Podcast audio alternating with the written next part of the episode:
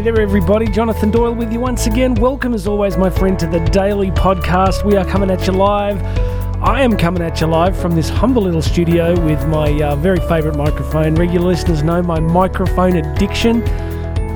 Just want to give you guys good sound quality. Would you make sure you've subscribed, please? Hit that subscribe button and I want you to go check out all the show notes here.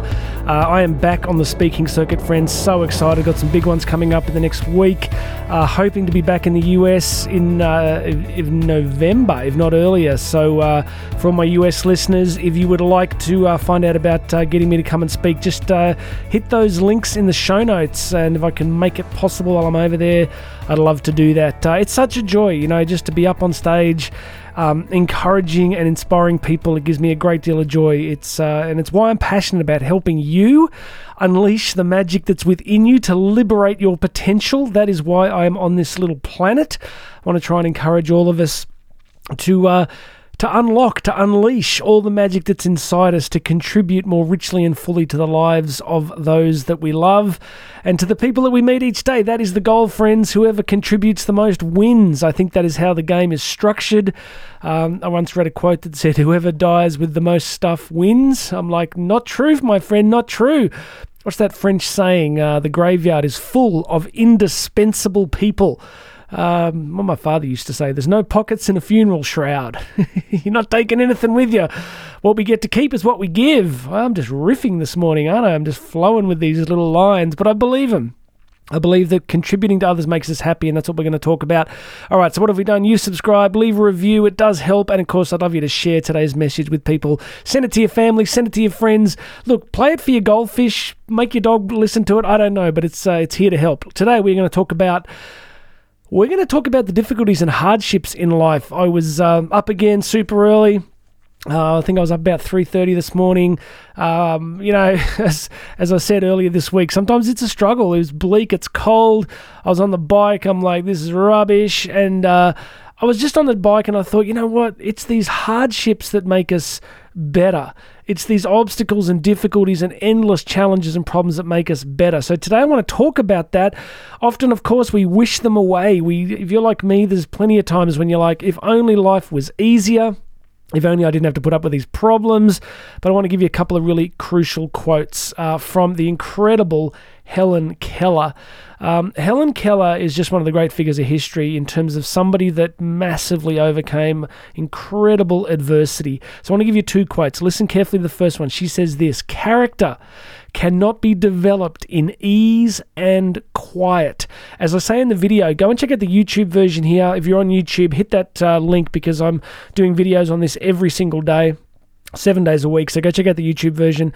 But uh, I love this quote character cannot be developed in ease and quiet. On the video, I say, if we sit in the metaphorical armchair of life, if we sit in a situation uh, for too long, I mean, there's definitely times when we need recovery and rest, but if we are sitting in a situation where we are not challenged, we are not pushed, we are not growing, then that is a problem. That is highly problematic because character can't be developed. What is character? Character is the sum total of our decisions. We become what we do. Character emerges in, uh, in the, into the English language around about the 15th century. Uh, from uh, comes from Old English um, I can't remember the exact Old English word, but what it means is it translates as an indelible mark written upon the soul. It's like a tattoo on our soul, a kind of writing that defines who we are. Uh, and, and character is formed in our decision making, in our choices, in our relationship with adversity.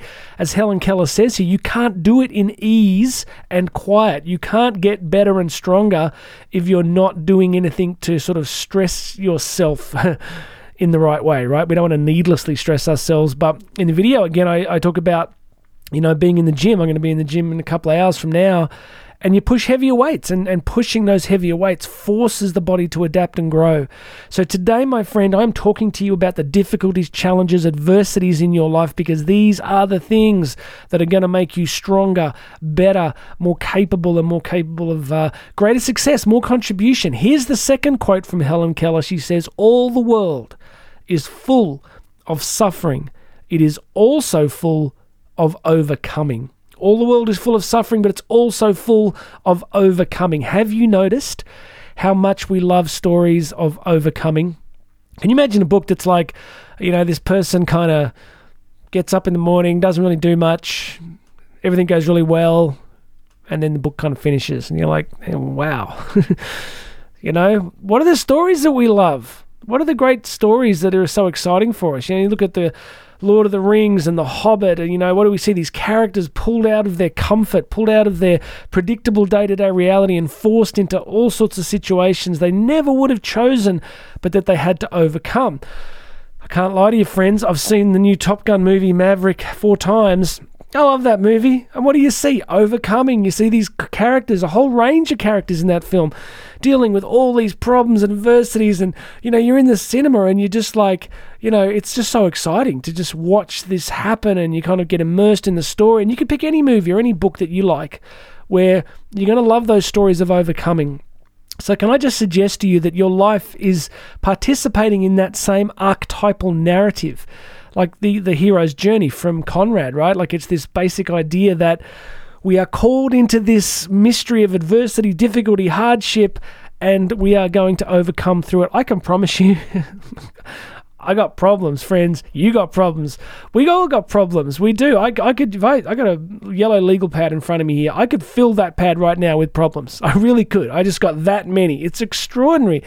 You know, I'm in that age there was a huge Harvard study that said you're unhappiest in your 40s because you just got so many problems. You got you got family and kids and parents getting older and business and travel and all the problems that come with it. Listen to me, you can even tell I'm not even complaining, right? I'm just acknowledging, I'm just recognizing you've got yours. But I tell you what, as we go about solving them, we grow. That's the magic. That's the magic right there. That's what we do. All right, I want to wrap this up. I love to keep these nice and short for you. Listen to Helen Keller. Hear these two quotes again. Character cannot be developed in ease and quiet. And secondly, she says, All the world is full of suffering. It is also full of overcoming. I'm going to tell you something about yourself. You are an overcomer.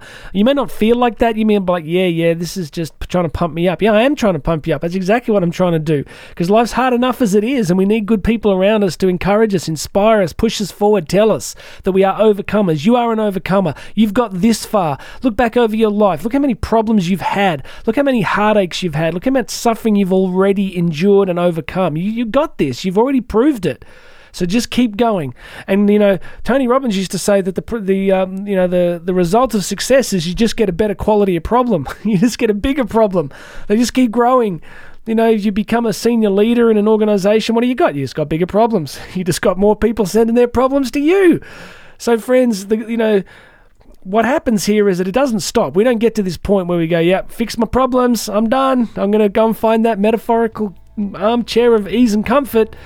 Move over, Helen Keller. Get out of my chair. I want some ease and comfort now. It's not going to happen. You're just going to get more. You're going to get bigger ones, and you're going to get them till the end. And all that way through, you're going to grow. You're going to struggle. You're going to strive. You're going to push, and you're going to become someone really magnificent in the journey.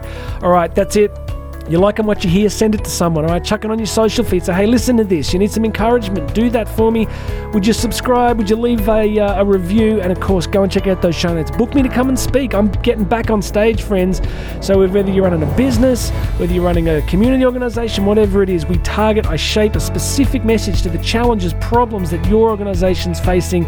We come in there, we get people re encouraged, re inspired, motivated to get back there and make a difference. So, friends, book me to speak. You want me to work with you as a personal coach. There's a link there to get find out about coaching. God bless you, everybody. My name is Jonathan Doyle. This has been the Daily Podcast, and you and I are going to talk again tomorrow.